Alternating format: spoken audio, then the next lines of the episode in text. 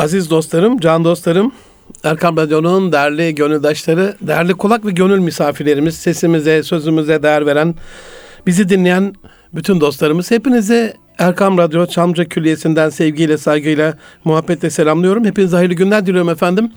Münir Arıkan'la Erkam Radyo'da Nitelikli İnsan başlıyor. 2020'nin 9. programında geçen hafta da size duyurusunu yaptığım çok değerli bir konuğumu e, sizlerle buluşturacağım inşallah. Gıyabi görüştüreceğim de denir. Sanal buluşma ya abi. E, Selim Tuncer abi. E, efendim kendisine reklamcı diyor ben marka duayeni diyorum. İkisi de aynı zamanda. Abi hoş geldiniz. Hoş bulduk. Teşekkür ederim. Sefalar getirdiniz. kardeşim, Ayaklarınıza sağ sağlık. Vakit ayırdınız. çok olun, çok teşekkür ediyorum. Çok kısa usulen e, bizim usulümüzü biliyorsunuz can dostlarım. Hani bir ben vardır ben de benden içeri. E, Selim Tuncer kendini nasıl tanımlar? Biraz sonra kendi dilinden dinleyeceğiz ama kısaca bilgi sahibi olmanız açısından 59 Ordu Ünye doğumlu. Gazi Üniversitesi Türk Dili Edebiyatı eğitimi 84'te mezuniyet. Aynı üniversitenin Sosyal Bilim Enstitüsü'nde yüksek lisans. Yayıncılık, dergi editörlüğü. E, sonra enteresan bir dal hani grafik tasarımcılık. Herhalde o dergicilikten geliyor. Biraz sonra soracağım. 80 yılından itibaren de reklam sektörüne geçiyor. E, ajanslarda yöneticilik yapıyor. 92'de kendi ajansını kuruyor. E, çeşitli sektörlerde e, bugün de burada bulunmasının en önemli sebeplerinden bir tanesi konuğum olmasının markanın doğuşuna birçok markanın değerli markanın doğuşuna yeniden yapılanmasına öncülük ediyor. Bugün de o anlamda Türkiye'nin markalaşmasını marka serüvenini konuşacağız. Hem marka dergilerinde hem de kendi blogunda pazarlama iletişimi, e, grafik tasarımı konusunda yazılar yazıyor. Aynı zamanda Reklamcı Derneği'nin de üyesi. E, Ekotürk kanalında da internetten e, bakanlar için hemen Soyut Şeyler Ekonomisi diye çok muhteşem bir e, televizyon programı var. E, birbirinden değerli konukları ağırlayıp Türkiye'nin meselelerini konuştuğu çok da güzel programı var. Abi buradan üç soru çıkarttım. Şimdi bir ben vardır benden içeri siz kendinizi nasıl tanımlıyorsunuz soracağım ama e, Türk Dili Edebiyatı, sosyal bilimler, grafik tasarım ne alaka yoksa bir bağ var ben mi göremiyorum? Var. Var değil mi? Yani edebiyat da sonuç itibariyle iletişim alt başlığında değerlendirilebilir öyle değil mi? Yani Biri sözel iletişim, Evet, öbürü sözel- görsel. Evet sözel görsel. Zaten reklamcılık Münir kardeşim hem sözel sanatların hem görsel sanatların ikisinin el ele tutuştuğu bir disiplin aslında aslına bakarsın. Eyvallah. Dolayısıyla ikisinde de belki uzmanlık tamam. Bağı gördük abi. Evet gördün. Ee, tamam. Neden reklamcılık peki öyle sorayım? Bazı şeyler bilinçsizde olabiliyor biliyorsun yani. Akışta. e, Akış, akış içinde. Şimdi şöyle söyleyeyim ben evet edebiyat mezunum, mezunuyum ama görsel sanatlara bir yatkınlığım var. Nereden geliyor diyecek diye soracak olursam valideden kaynaklı bu. Validemin de resim e, resmi çok iyiydi. Ee, öyle bir yeteneğim olduğunu da söyleyebilirim. Her iki e, alanda yeteneğimi bir arada kullanabileceğim sektör olarak karşıma reklamcılık sektörü Süper. tamam mı? Siz de değerlendirdiniz. Evet, ben İyi de ki değerlendirmişsiniz. yani. Ee, Birçok markanın doğuşu ve yeniden yapılanması ne demek abi? Şimdi markalar nasıl doğar, e, nasıl yeniden yapılanır? Önce bu soruya cevap vermemiz lazım tabii. Markayı konuşmamız lazım. Marka e, Türkiye'nin özellikle e, ülkemizin önemli meselelerden biri. E, marka dediğimiz şey aslında bir kavram, kavramdan ibarettir. Şöyle biraz gerilere gideyim ben. E, Jean Piaget adında bir Fransız pedagog var. Onun nesne kalıcılığı adlı bir kuramı var. Şöyle anlatıyor. Çok kısa bir iki dakikada özetlemeye çalışayım. Rica ederim. Ee, insanın doğumdan işte belli bir yaşa kadar çocukluğunu belli dönemlere ayırıyor. Bunun ilk döneminde biraz sonra izah edebileceğimiz nesne kalıcılığı eee, yeteneği yok çocukta. Ne demek bu? Şu demek henüz bilişsel yetileri gelişmediği için bebeğin en azından bir yaşına kadar bazen bir buçukta olabilir. Eee, önüne konulan bir nesneyi kalıcılık derken onu kastediyor. Zihnine kaydedemiyor. Yani bir altı aylık bir çocuğun önüne kırmızı bir top koyduğunuzda kırmızı top bir uyaran sonuç itibariyle hopluyor zıplıyor top dediğimiz plastik bir şey rengiyle de etkileyici gözünden e, o uyaran gözden evet beyine gidiyor ama çocuğun önünden topu aldığınızda artık çocuk o bebek için o top yok. Yok. oluyor. Onun için Yok. aynı sobada 10 defa yanabiliyor. Evet. Nesne kalıcı Evet, değil zihinde. kalıcı değil. Süper. Şimdi buradan nereye varacağım? Demek ki böylece bir yaşını aştıktan sonra topu önünden aldığınızda bebek birdenbire feveran ediyor. Geri istiyor. Niye? Zihninde kaldı o. Şimdi hepimiz insanoğlu yetişkin bireyler olarak eee, nesneleri zihnimizde kavram haline getiriyoruz. Bu ne demektir? Mesela biz elma dediğimizde sadece aklımıza e, zihnimizde e, işte yuvarlak, kırmızı, yeşil, sarı renklerde mayhoş, tatlı, sulu meyve mi geliyor sadece? O da geliyor. O da zihnimizde açılıyor. Mesela yine bir gö- göstergesel uyaranlar işte elma, ses olarak elma veyahut da yazıda elmayı gördük. Zihnimizde bir elma açılıyor ama bak bu meyve nitelikleri olarak da açılıyor ama mesela kızıl elma dediğimiz nedir? Ya. Kızıl Ya. elma ki kızıl elmadır aslı altın elma demektir. Bir Türk ideali. Eyvallah. Ya Herkül bir elmanın peşinden koşturuyor mesela öyle maceraları var. Şimdi demek ki insan hem bir nesneyi zihninde kavrama dönüştürüyor hem de o kavramı o haliyle de bırakmıyor. Büyüttükçe büyütüyor, büyüttükçe büyütüyor. Biz e, iletişim uzmanları ya da marka uzmanları aslında bir nesneyi hem insanların zihnine yerleştirmek, nesne kalıcılığı Güzel. hem de zihinde bir nüve olarak attığımız o e, kavramı büyüttükçe büyütme işi yaparız. Süper. Demek ki markanın doğuşu yeniden yapılanması o demek. Heh, yani markanın Süper. marka sahibinden daha çok Eyvallah. kitlenin zihniyle alakası var. Yani orada inşa edilir marka. Bu çok bir ikimiz aramızda da olabilir bu. Milyonlarca insana da bunu yapabiliriz. Şimdi ile kitlesel iletişim, kitle iletişim araçlarıyla bunu yapıyoruz. Elma belki anlattığımız şekilde belki bin yılda böyle markalaştı. İnsanlık onu markalaştırdı. Ama biz üç ayda, beş ayda, bir yılda, on yılda bir Dolayısıyla takım yapay bir ilgisi var. yollarla, evet, bir takım yapay yollarla Eyvallah. ama işte belli maliyetleri de üstlenerek yapıyoruz bunu. Çok teşekkür ederim abi. O e, özgeçmişinizin içerisindeki üç kavramı açmış olduk çok hızlıca ve kısaca. Çok da iyi oldu. Şimdi bizim abi ilk giriş usulü böyledir. Hani kısa özgeçmiş ben anlattım ama asıl siz kendinizi nasıl tanımlıyorsunuz? Kimdir? İçinizdeki o selim Evet. evet insanın kendini tanımlaması zor tabii yani bu kolay bir şey değil en azından benim açımdan böyle. Ee, tabii benim temel motivasyonum hayattaki temel motivasyonum kendi mesleğimden de mesleğimi çok önemsiyorum sen de bunu biliyorsun. kesinlikle. kendi e, mesleğimden de yola çıkarak, kendi uzmanlığımdan da yola çıkarak e, bu uzmanlığımı hem kendim için, hem ailem ve yakın çevrem için, hem ülkem için, hem dünya için nasıl hayra kullanabilirim, Eyvallah. iyiliğe kullanabilirim motivasyonu benim en temel motivasyonum hayatta. E, bu e, sonuç itibariyle biz e, geride evet bir takım düşünceler, fikirler elbette bırakıyoruz. En yakın çevremizden başlayarak e, e, geniş kitlelere de ulaşabiliyorsak elbette bunları bırakabiliyoruz ama biz bu dünyadan göçtüğümüzde aslında büyük bir hazineyle beraber göçüyoruz beynimizle. Yani götürüyoruz onu. Onun için me- memlekete, çevremize, insanlığa biriktirdiğimiz neleri nasıl dağıtabiliriz, nasıl bunu iyilik uğruna kullanabiliriz. Çok çok teşekkür ediyorum abi. Bugün zaten burada bulunmanızın sebebi de o. Ee, ülkemizi birazdan konuşacağız. Ee, demek ki hani baki kalan kubbede hoş bir seda.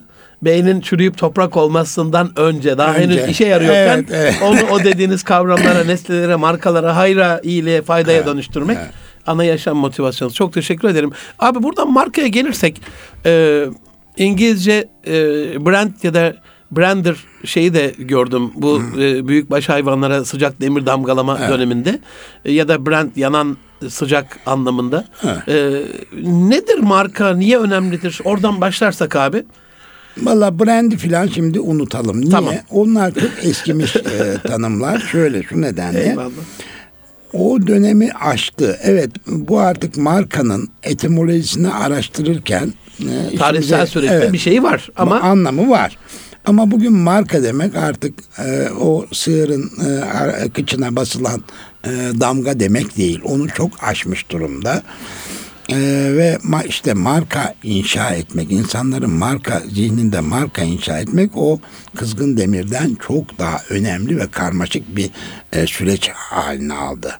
Yani daha doğrusu eskiden de böyleydi de şimdi disiplin kendini geliştirdikçe yeni yeni kuramlar ortaya çıktıkta çıktıkça daha kompleks bir yapı e, elde etti. Bir de burada tabii iletişim imkanlarının e, çok büyük e, katkısı var. Şimdi şöyle mesela bugünlerde sosyal mecra sosyal mecra konuşuyoruz değil mi? Sosyal mecra dediğimiz şey aslında Münir Göbekli Tepe'de de vardı. E, geçmişte kahvehaneler sosyal mecraydı. Ya. Yani sonuç itibariyle orada da ne var ne yok diye başlayan. Evet. Değil yani mi? orada hikaye anlatıcıları, şimdi onu YouTube yapıyor. Ev, e, meddahlar, e, ondan sonra işte halk ozanları filan bir sürü insanlar gelir oradan bi- birbirlerine bir şeyler anlatırlardı yani sonuç itibariyle. Şimdi bunu bak teknolojiyle bunun ölçeğe büyümüş durumda. Ölçek büyüdü sadece Ama aslı esası aslı devam ediyor. Devam ediyor. Yani gerçek haberler, yalan haberler, dedikodular, e, türkü, şarkı, eğlenceler hepsi vardı belli ortamlarda. Yani kahvehaneler, pazar yerleri, insanların sosyalleştiği alanlar, hamamlar, ondan sonra hatta mabetlerde yani sonuç itibariyle insanların birbiriyle eş düzeyli e, iletişime geçtiği ortamlar diyelim. Şimdi teknoloji, iletişim teknolojisi geliştikçe bunların yönetimi de ayrı uzmanlıklar gerektiriyor artık. Yani iş zorlaşıyor. Eyvallah. Çünkü şimdi sen C dediğinde Moskova'da duyuluyor bu ses. Ya. Değil mi? Bir etkisi var Evet. hayata. Ha, şimdi bunu nasıl yöneteceksin? Hi- Hikaye o. Bütün Eyvallah. o. Peki kişilerin markası olduğu gibi abi kurumların markası olduğu gibi ülkelerin de bir markası var mı? Tabii ki her şeyin markası var. Eğer biraz önceki hani Jean Piaget'den başlayarak eğer marka insanların zihninde inşa ettiğimiz bir kavramsa Ki ülkeyle ilgili herkesin zihninde böyle bir kavram var. vardır. Demek ki ülke markası da Tabii var. ki ülke markası da var ve o o kadar önemli bir şey ki eğer siz kendi ülkenizin markasını kendi ellerinizle inşa etmezseniz onu başkaları inşa eder. Ama sizin istemediğiniz şekilde inşa eder tabii ki. Yani bir Ah ah. e, bir nesneyle, e, bir olayla, olguyla, kurumla, ülkeyle karşılaşan, e, bununla ilgili haberler alan, resimler, fotoğraflar gören her insan sonuçta o e, onunla ilgili zihnine bir tohum atar Ya. atılmış olur o tohum. Şimdi o tohumun büyümesi. Şimdi ona ya biz bakacağız, biz büyüteceğiz onu ya el alem büyütecek. Şimdi bugün çok e, e, hemen bir örnekle gidelim. Fransa'da Türkiye markası Fransız insanın zihninde nasıldır mesela? Tabii ki bu bir takım araştırma, nicel araştırmalarla ortaya çıkabilecek bir şey ama eğer olumsuzsa demek ki o markayı biz inşa etmedik orada. Ya. Edemedik. Ya. Yani Abi o cümlenizi çok çok önemsiyorum. Sizin bütün cümlenizi önemsiyorum da. E, Bir ülke kendi markasını oluşturamazsa, bu konuda kendi markasını yönetemezse o boşluğu onun düşmanları dolduruyor. Tabii. Dolayısıyla onlar Tabii. onunla ilgili. Bunun en güzel örneği aslında bizim için en kötü örneği ama dediğiniz olgu adına Osmanlı'nın son yüzyıl tukak edilmesinden dolayı Tabii. bizim tarihten silmeye çalıştığımız o büyük uygarlık Batı'nın kendi algısıyla inşa etti. Biz markalaştıramadığımız için onlar da işte haremi çok mistiklerin, fuhşiyatın evet. bilmem neyin olduğu bir böyle şey merkezi olarak anlattılar. Yani bizim adımıza o bizim yerimize oryantalistler yaptı bizim iletişimimizi. Ya Şimdi hemen şuraya gider, gelelim istersen. Bak iletişim ontolojik bir meseledir. Yani varoluşsaldır. Yoksa yoksunuz demek. varlığınızla ilgilidir. Evet. Onu iyi kuramazsanız Evet, yoksunuzdur yoksun. yani. Bu kadar basit. Şimdi- Hele bu yüzyılda. Evet bu yüzyılda hele. Şimdi eğer yok olmak bile bak nötr bir durumdur. Yine de iyidir. Yani- Ama bir de eksiye düştüğünü eksiye düşün. Yani negatif var olmayı düşün. O daha fena bir durum. Bu hangi zaafla ortaya çıkar? Biz eğer iletişimimizi kendimiz yapmaz, markamızı kendimiz inşa etmezsek, edemezsek hiç istemediğimiz şekilde inşa olur o dünya insanlığın zihninde. Eyvallah. Ee, buradan abi Kongo Gümü gibi bu 578'de kurulan ben seminerde kullanırım bunu. Bir Japon tapınak şirketi. Dünyanın en eski şirketlerinin markalarının başarı sırlarına gelirsek birkaç örnek vermek istiyorum izniniz olursa. Ne demek? Ee, şimdi biz de tapınak yapıyoruz. Bizim tapınaklarımız işte camiler, mescitler değil mi? Evet. Ama şimdi Mimar Sinan e, dünya tarihinin en önemli yüzyılın değil bin, bin yılı mimarı seçilen eserleri şaheser herhalde en iyi mimarlardan biri dünya Evet, tarihinde. evet, evet. Ama eserlerinin aynısını yapmayı bırakın abi. Eserlerini tamirden aciz torunları. Ölünce gidiyor. Mimar Sinan ölünce bitiyor bütün iş. Kurumsallaştırmayı soracağım o anlamda da bunu.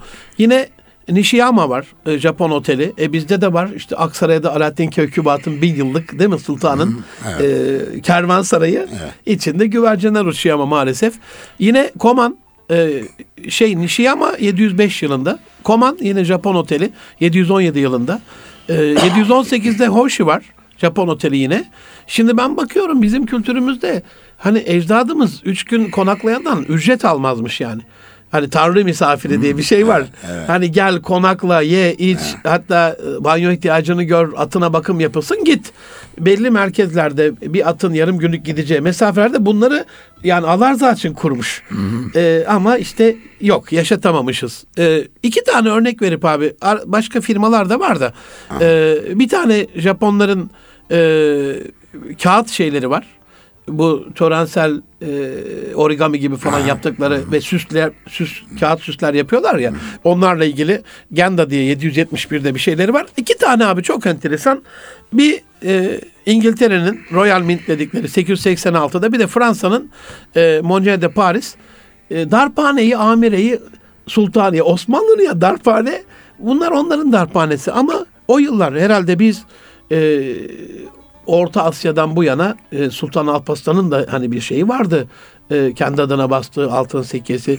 E, bunların başarı demek. sırları ve bi- bizdeki şeye de örneklere geleceğim ama özellikle bunların başarı sırlarına bakarsak dünyada bu başarılı markalar, kurumlar, e, şirketler nasıl bu kadar bin yıl ayakta kalmış 1400 yıl? Valla yayından önce de konuştuk ya biraz. Bunları aslında yaşatan bir ekosistem.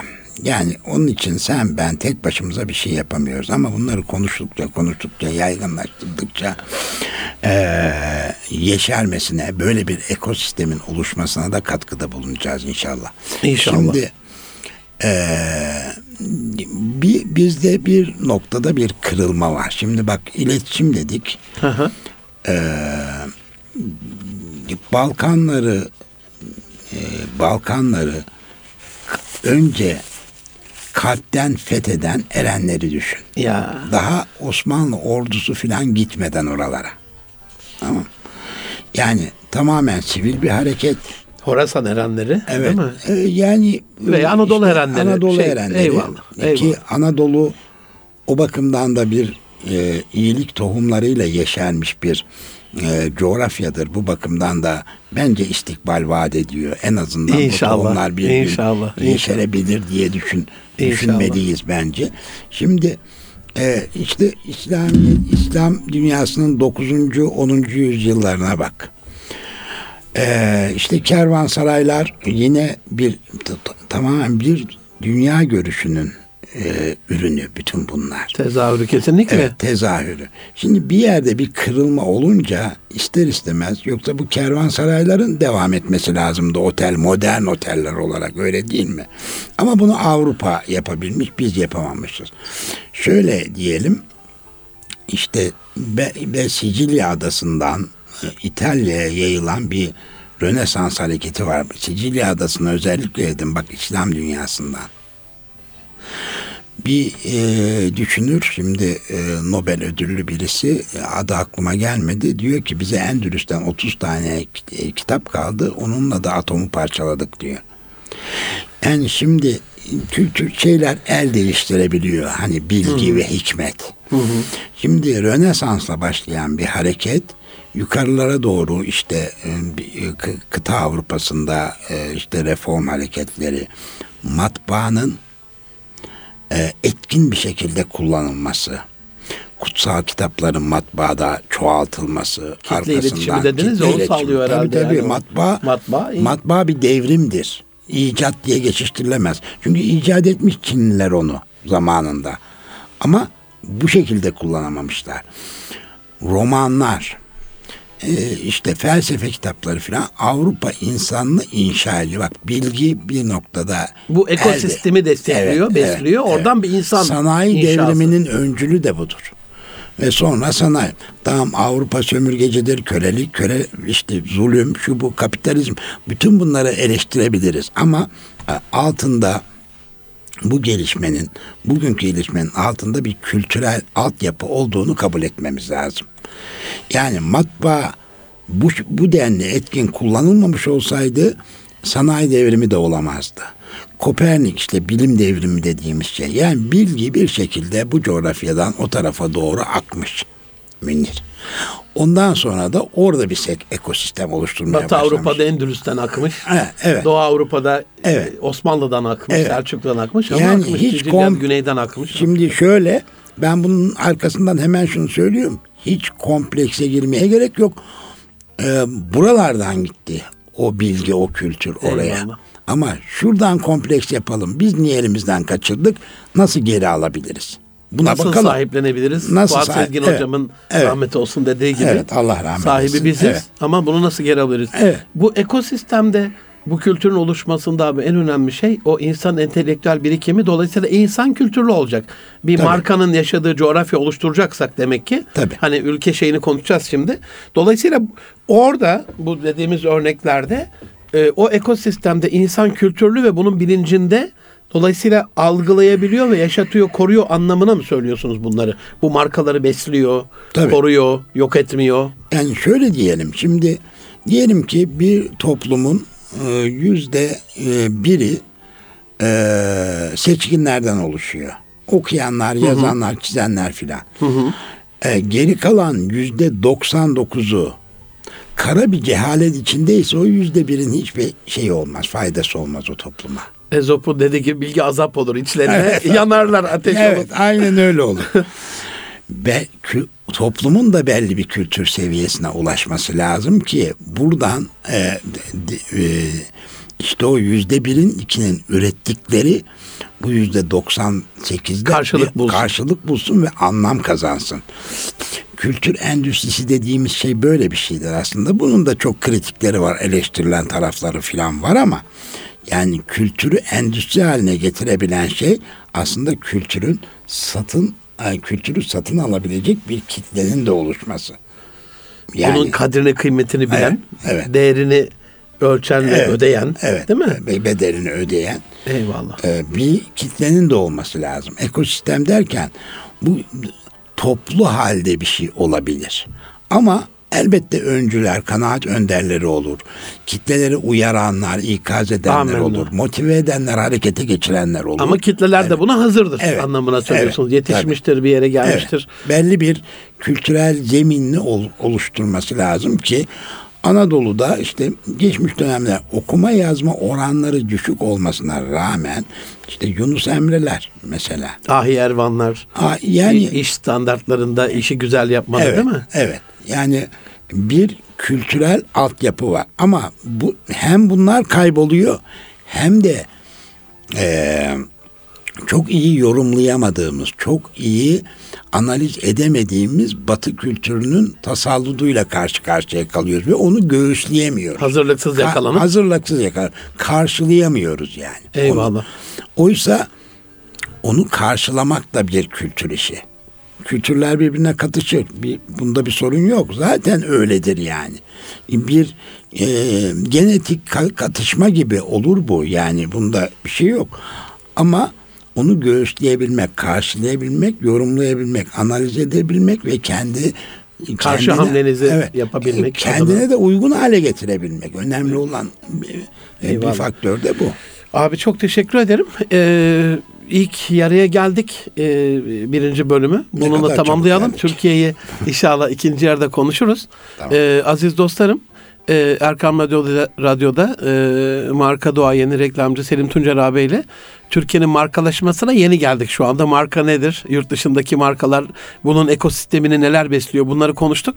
E, ama birazdan hani Türkiye'nin e, geçmiş e, yüzyıllardaki markaları, e, en eski markaları, şu anda mevcut durumumuz ve buradan da hani kurumsal markadan ziyade son bölümde Türkiye'nin ülke olarak markalaşması için bize düşen görevleri konuşacağız. Az sonra görüşmek üzere efendim. Buluşma noktamız Erkan Radyo.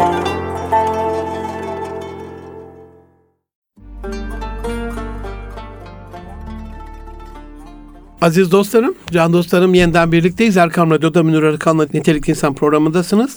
Marka duayeni reklamcı Selim Tuncer abiyle beraberiz. Abi yeniden hoş geldiniz. Hoş bulduk. Çok çok teşekkür, teşekkür ederim. ederim. Sağ ee, var olun.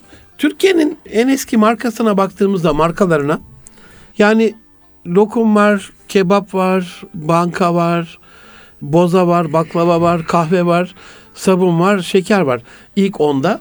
Ama çok enteresandır. İşte kahvecimiz bir tanesi çok şey değil. Yani reklam isim anlamına isim vermek önemli değil ama işte 26 milyon dolarla kapatmış. Ondan 300 sene sonra kurulan başka bir kahve firması 21 milyar dolarla kapatmış. Bu kadar bin katı bizi ezmelerinin sebebi ne abi? Yani e, biz bunu ilk yapmışız hani 1777'de ilk defa kelle şekerinden işte nişastayı da katarak bilmem gül raçinesi falan da katarak böyle akide şekerleri nişastayla hamur yorup lokumlar falan yapmışız da bunu belki de dünyada şöyle hani Türk deyince sonuna gelebilecek şeylerden işte Türk lokumu değil mi? e, Türk kahvesi gibi böyle şeyleri markalaştırmışız zihinlerdeki algı adına ama kurumsal markalaşmadan e, hatalı olduğumuz yerler var mı ya da onlar niye daha başarılı? Onlar niye daha başarılı? Bir defa bazı böyle toplu tüketim markalarının bazıları mesela fast food filan hepsi Amerika menşeli. Yani birçoğu. Evet. Şimdi bazı markalar için tabii birinci bölümde ekosistem ekosistem hı hı, dedik. Hı. Bunu da ona dahil edebiliriz. Aslında bir pazar derinliği gerekiyor. Yani şimdi ya kendi pazarınız büyük olacak ya kendi pazarınız size yetmiyorsa pazarınızı büyütmeye bakacaksınız. Yani başka bir üçüncü yolu yok bunun. Markalaşma dediğimiz şey kitlesel zihinlerde gerçekleşen bir şey ve çok geniş kitlelere ihtiyacı olan bir şey. Zihinde büyüme gibi fiziksel büyüme evet, de arazide evet, de büyüme gerekiyor demek de ki aynı anda. Gerekiyor. Yani ikimiz üçümüz aramızda kendimiz markamız bir marka icat edecek ve bunu kendi zihinlerimizde inşa etsek bunun ticari bir karşılığı olmaz.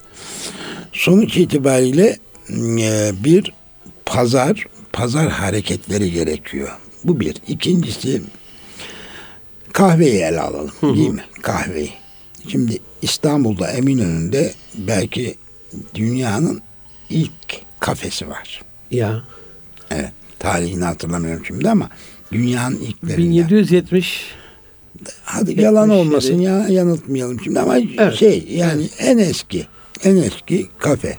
Ee, şimdi Avrupa bunu devraldıktan sonra kendi kültürü içinde eritiyor ve kahveyi başka bir şeye dönüştürüveriyor ve ticari e, yani ticaretin içinde bunu bir kültüre dönüştürüyor. Böyle evlerde birbirimize ikram ettiğimiz e, bir güzellik olmaktan çıkarıyor bunu. Başka bir anlam e, kazandırıyor. Böyle olunca e, kahvenin ticari değeri yükselmiş oluyor. E bu işte önce daha dar bir alanda sonra işte e, Fransa, İtalya filan derken hani belli e, göçmenler üzerinden Amerika'ya ulaşıyor filan. Oradan da işte bir e, büyük bir sanayi kuruluşu bunu e, formatını değiştiriyor filan. E, daha ekonomik ölçek ekonomisi nedeniyle daha fiyatlarını düşürüyor filan. Bunu iyice kitlesel, kitleselleştiriyor. Yani Dolayısıyla buradaki şifre kitleselleştirebilmek. evet kitle Geniş hedeflere, Evet. geniş kitlelere ulaştırabilmek. Bu, bu tabii önemli bir şey. Niş markalar da vardır. Daha küçük kitlelerde e, bir anlamı olan markalar da vardır ama en sonuç itibariyle örneği kahveden verdiğimiz için e, ben de bur- buradan yürüttüm Eyvallah. hikayeyi. E, bu gerekiyor. Ama şu var. Bunların hepsi akıl fikir işi. Bak ne kahve işi, ne kahve çekirdeği, ne de para pul işi. Süper. Burayı atlamayalım. Bunların hepsi akıl fikir işi. Yani önce akledeceğiz, fikredeceğiz. Buradan insanların eee cazip bulabileceği, benimseyebileceği, tüketebileceği neler yapabiliriz ve bunlara işte çekirdeğin üstüne soyut değerler olarak ne koyabiliriz? Bugün kahve kahveden mi ibarettir? Sırf Kahvenin ürün değil artık. Değil. Kahve kültürü var Süper. her şeyiyle. Yani bakın hemen hemen bütün e, bütün fiziki ürünlerde bir kültür inşa edebiliyorsanız, çevresinde bir kültür oluşturabiliyorsanız anlamı var. Çok basit bir örnek vereyim. Sık bir örneği veririm. Türkiye ve Türkiye markalaşması ve katma açısından çok önem arz ediyor. Ee, bugün İtalya ve İspanya en büyük zeytin e, tarımı yapan ülkeler. Biz de zeytin tarımı yapıyoruz. Mısır, Cezayir, Tunus da yapıyor. Şimdi e, ama onların zeytini kendilerine yetmediği için bizim en fazla sızma zeytinyağı ihraç ettiğimiz iki ülke var. E, İtalya ve İspanya İspanya. galonlarla tabii ihraç ediyoruz. Fakat Münir bizim galonlarla gönderdiğimiz veya Cezayir'in, Mısır'ın hiç fark etmiyor. E, İtalya'ya gittiğinde orada bir İtalyan şişesinin içine giriyor bak. İtalyan şişesinin içinde neler var? Rönesans var, Vivaldi var, Roma var, Floransa var. Yani kocaman bir İtalyan kültürü var. Ve Türk zeytinyağı 1 liraya satılırken dünyada İtalyan zeytinyağı 5 liraya satılıyor. Hani üründü? Bu aynı ürün bak. Bizim şişenin içinde de aynı. Eyvallah, Hatta bizim eyvallah. Türk çiftçisinin Ege Ege çiftçisinin el emeği göz numudur Ya, yani ya, sonuç ya. itibariyle. Bize göre 4-5 kat daha fazla fiyata satabiliyorsa, katma değerli ürün üretip de satabiliyorsa yarat e, oluşturduğu hikayelerle alakalıdır. Eyvallah. Marka da böyle oluyor işte. Derler ya abi perception and reputation management, imaj ve itibar ve algı yönetimi. Orada aslında tüketicinin algısını ona göre yönetmiş oluyorsunuz. Deseniz ki İtalya'da bu ürün Türkiye'den getirdik Türk zeytinyağı satıyorsunuz yine almayacaklar. Ama Evet. onu İtalyan yaptığınızda Tabii. ona bir kültür ekliyorsunuz kısmında arabalar da böyle değil mi abi? Tabii arabalar da öyle. İşte Bra- iş bravo. adamlarına özel arabalar. Evet. Araba Mesela- değil artık başka bir şey. Hem başka bir şey hem de arabaların bak kimlikler e, ülke kimlikleriyle ilişkileri çok e, e, e, bariz ortadadır. Alman otomobili, İngiliz otomobili, Amerikan otomobili, Japon otomobili dediğimizde doğrudan o kültürel bir şey yüklemiş oluyoruz onlara. Anlam yüklemiş Ara- oluyoruz. Kültürel bir anlam yüklemiş oluyoruz. Ama sonuçta abi marka kişi için sonuçta. Yani Alman arabası da olsa bir kişi alıyor onu ülke olarak kullanmıyor. Kişi bazında Tabii. baktığımızda tüketici algısı açısından baktığımızda onlar nasıl bakıyor markaya E, ya da ne görüyorlar bir markaya baktıklarında oradan ülkeye geleceğim izninizle. İşte buna baktıklarında mesela Alman dediğimiz şeyin itibarı yüksekse mühendislik, Güvenilirlik ondan- belki teknoloji işte, değil mi evet, onlar gibi. onu görüyorlar. Evet onu görüyor. Ne de neyi görüyorsa ama somut olmayan bir takım şeyler görüyor. O o demek yani. Soyut şeyler. Çok küçük bir örnek vereyim. Bak bugün e, Güney Kore hani malum teknoloji markalarıyla filan öne çıkmış durumda. Yani büyük aktörlerden yani. Ee, 20-25 yıldır bir e, kendi e, Hallyu dedikleri, kendilerinin Hallyu dedikleri bir Kore dalgası icat etti. Ya Kore sineması, Kore müziği, Kore, Kore fanı. ç- çerezleri, e, efendim Kore filmleri. Kore, Kore filmleri, Kore kozmetiği ya. Evet. Yani düşün. Özellikle. Yani bir kültür örüyor. Çünkü bak Kore biliyor ki eğer bir kültürel altyapıyla beslemezse bu teknoloji markalarını onları da uzun süre yaşatamaz. Bu Mesela- teknolojiyle beslemezse. Kültürle beslemezse o tek- teknolojiyi o kültürle beslemezse. Evet. Abi Beslemez. ne olur bir parantez. Bizim yani çocuğun karakterini şekillendirmede en önemli unsur oyuncak. Evet. Oyuncak bizim medeniyet aslında ama geliştirememizin sebebi de o değil mi? Kurdukları o çizgi filmlerle, filmlerle, bilmem nelerle o teknolojinin altta olan kültürü ortaya koyuyorlar. Tabii. Ve ihtiyaç duyuruyor ona. Onun için yabancı oyuncaklar satılıyor mesela. Marvel'ın oyuncakları satılıyor. 35 milyar dolarlık. Evet. İşte onların hepsi kültürel yani sonuç itibariyle. E, bu da akıl fikir işi diyorsun. Akıl fikir işi. E, oradan şey, Paradan önce Özür- akıl fikir. Pardon. Paradan önce akıl fikir. Paradan önce akıl fikir işi ama bir yatırım da gerektiriyor. Tabii. Abi oradan e, ülke markalarına gelirsek biraz gelmeden evvel bakmıştım. Mesela e, en son Financial Brands'ın son şeyine göre Brands Finance'ın özür diliyorum. 2019 raporuna göre ilk onda işte Amerika var 27 trilyon dolar, Çin var 19 trilyon dolar, Almanya var. Bunlar şey değil. Gayri safi milli hasıla Amerika 21 trilyonla kapattı. Çin 16 ile kapattı da 2019'u yani bunlar marka Bunlar değeri. ülke Almanya marka değerleri. Marka değerleri ülkenin Almanya yaklaşık 5 diyelim 4.85, Japonya 4.5 trilyon dolar. İngiltere var e, 4 trilyon küsuratlarını atalım.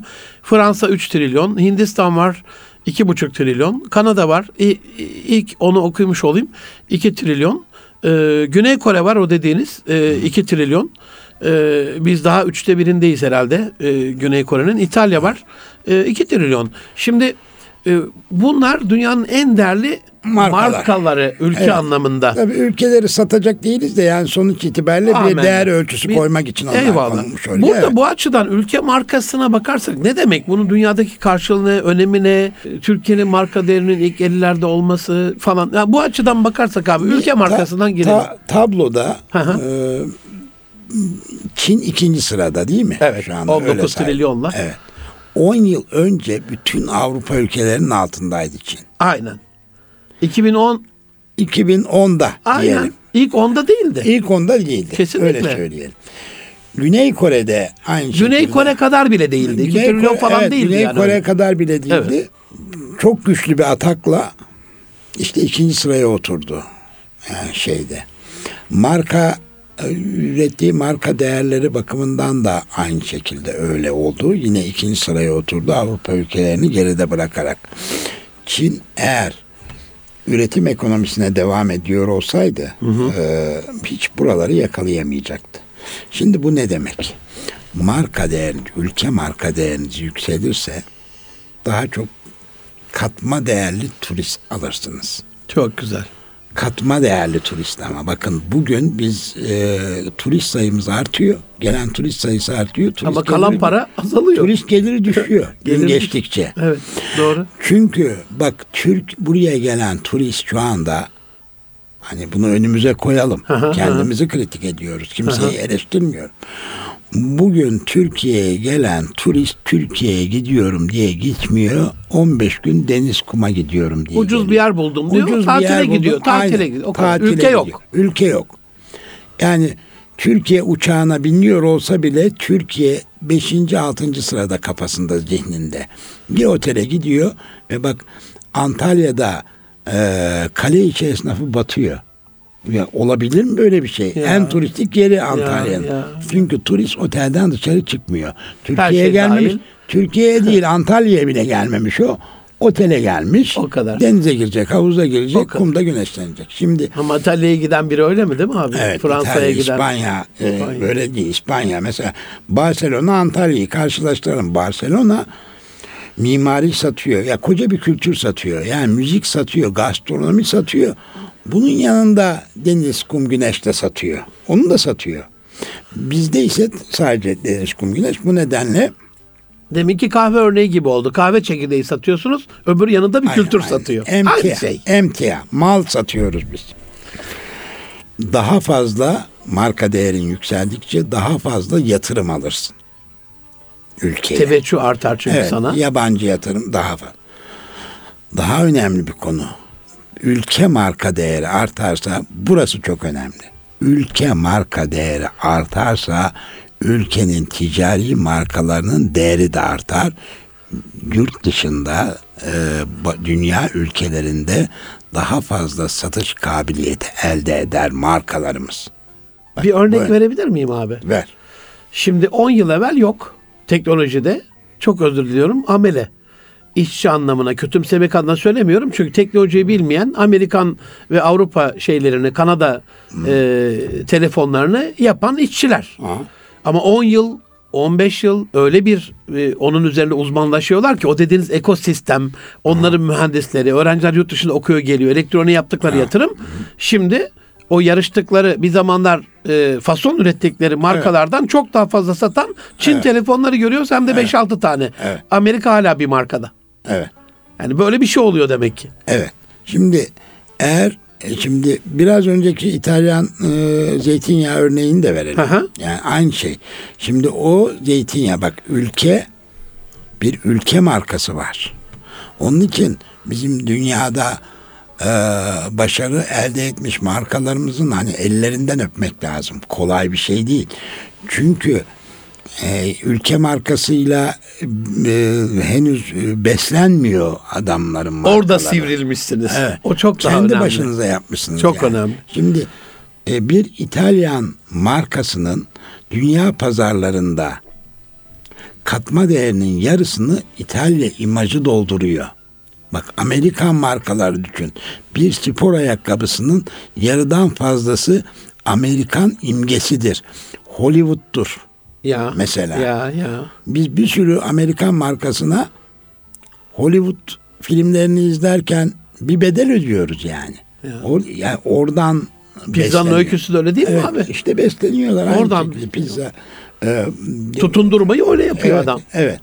Şimdi e, ülke markası e, iki şey saydık. Çok turist gelir dedik, çok yatırım gelir dedik Aha. ama çok daha önemlisi bence dünyada her şeyinizle itibar görürsünüz. Ticari markalarınızda. Münir de yurt dışına çıktığında kendisi kişisel olarak itibar görür. Buradan e, İngiltere'ye, Londra'ya giden bir kahve markamız da itibar görür. Çünkü o artık bir Türkiye markasıdır. Türkiye'nin markasıdır. Eyvallah. O bakımdan ülke markası yine ontolojiktir. Varoluşsaldır yani. Burada abi sona doğru geliyoruz yavaş yavaş. Ee, geçenlerde bir şey okudum ben. Tabii bu da o dediğiniz ekokültürü, ekosistemi besliyor. Ee, Japon e, ya ya- yanlış değilse az evvel baktım ama dördüncü sırada. 2019 marka değerinde ülke anlamında. Ama şeyde bir numaraymış. Ee, pasaportta. Yani e, pasaportunuz ne kadar değerli diye bir şey yapmışlar evet, araştırma. evet. Biz epey bir sonlardayız yani yüzü geçmiş. Doğrudur. Ee, bunu ben şöyle de öngörüyorum abi. Mesela 50 yıl 60 yıl evvel yok olan Almanya bizi çağırırken işte Çekoslovakya var, biraz yıkım orası Polonya var, e, Orta Avrupa var. E, Afrika var hemen öbür tarafta işte kuzey ülkeleri var. E, Türkiye demiş yani güçlü, kuvvetli, çalışkan, sözü namus olan e, işin hakkından gelen almışlar böyle Wilhelm'in böyle Berlin'de bende fotoğrafı var yani e, askeri bandoyla karşılıyor göçmen Türk işçiler geliyor. E şimdi beş şehit verdik geçen hafta Du- duvarlarda Türken Raus. E, bir pasaportumuzun marka değerinin düşüklüğü de o ülke markasıyla alakalı değil mi abi? Tabii ki. Markası. Gelme öyle. diyor yani vize vermek ne demek? Bana gelme belli kriterlerin yoksa sen Biraz önce de onu demek istedim. Marka, ülke marka değeri yüksekse pasaportun değeri de yüksektir. Şimdi şöyle bakalım meseleye bana hatırlatmış oldun. İkinci. Dünya Savaşı'nda yerle bir olmuş bir ülkeden söz ediyoruz. ya İşte öncelikle akıl fikir işi dememin nedeni o. Yani bakın beyniniz çok çalışırsa kol ve bacaklarınız daha az çalışır. Öyle değil mi? Marka Bilgisayarın şey. başından kalkamazsınız ki çünkü o beyin çalışmasını Evet. bir şeylere dönüştürmez Be- lazım be- proje. be- marka böyle bir şeydir. Katma değerli ürün satmak böyle bir şeydir. Beyin işidir. Yoksa kol ve bacaklarımızla yani demir, çimento, fındık, fıstık, buğday yani emtia dediğim şey bunlarla para kazanılmaz. Mümkün değil yani. Ee, Bunları işleyerek, İşleyerek. ka- e, katma değerli ürüne çevirmek İşte. aynı zamanda da soyut değerler yüklenmiş markaya çevirmek. Önemli olan bu. Eyvallah. Abi en sevmediğim bölüme geldik. Programın kapanış bölümü. Ama bizim bir usulümüz var. İnşallah yine bekleriz böyle bir çarşamba şeref duyarız ağırlarız sizi ama e, bir şey söylesin Selim Tuncel istiyorum. Yani şimdi ülkemize bir vefa borcumuz var. Kendimize bir vefa borcumuz var. Ölüp toprak olup çürüyüp gitmeyelim anlamına. Faydalı olmak anlamına. Bir şey söyleyin ve e, Selim Tuncer abilerinin dediklerini yapsınlar. Şu anda ne yapabilirler ülkemizin markalaşmasıyla alakalı? Bizi dinleyenlere hani devleti falan şirketleri kastı dinleyicilerimize ne tavsiye edersiniz abi? Onunla bitirelim. Dinleyicilerimize bu konuda şunu tavsiye ederim. Bunun bilincinde olmak başlı başına bir şeydir. Bizim bütün hükümet olsun, iş adamları olsun, diye şirketlerimiz STK'lar. olsun, STK'lar herkese bakış açımızı eee, hani böyle geliştirirsek eğer kritiklerimizi de böyle yaparsak o kritiklerini yaptığımız insanlar, kurumlar da kendilerini bu yönde düzeltirler. Yani ben aslında şunu yapmaya çalıştık biraz bu programda. Bir e, kriterler de vermiş olduk yani. yani. Kesinlikle. Ürün, katma değerli ürün ne demektir? Ülke markası ne demektir? Ne işe yarar? Birkaç cümle dilimizin döndüğü kadar ve süre Eyvallah. yettiği kadar Eyvallah. bunları söylemiş olduk. Bakın e, son olarak şunu söyleyeyim. Biz e, yıllardır tamamen insani ve vicdani kaygılarla Suriye'den göçmen kabul ettik ve 4 milyona yaklaştı göçmen sayısı. Avrupa e, Avrupa Amerika bizi sınırlardan terörist geçiriyorsunuz diye suçladı değil mi? Ya. Ya biz iyilik yapıyoruz bakın. Yani yine iletişim ontolojik bir meseledir diyor diyorum. Yani biz iyiliklerimizi duyurmak zorundayız. Bu kişiler arası bir iyilik değil. O gizli yapılır. Eyvallah. Ama bu öyle bir şey değil. Bu ki- kitlesel bir iyilik. Kitlesel İyiliğimizi göstermemiz, iyilik. Bunu hem kendimiz için göstermemiz lazım. Hem de başkalarına da örnek teşkil etsin için göstermemiz lazım iyiliklerimizi. Eyvallah. Abi çok çok teşekkür ediyorum. Ee, Selim Tuncer abi bizle beraberdi. Marka duayeni, reklamcı. Ama bu şarkı burada bitmez diyoruz efendim. Yeniden buluşuncaya dek. Ayaklarınıza sağlık. Çok teşekkür ederim. Şimdilik ben de dinleyicilerinize sevgiler saygılar sunuyorum. Çok, sağ olun. Görüşmek üzere efendim.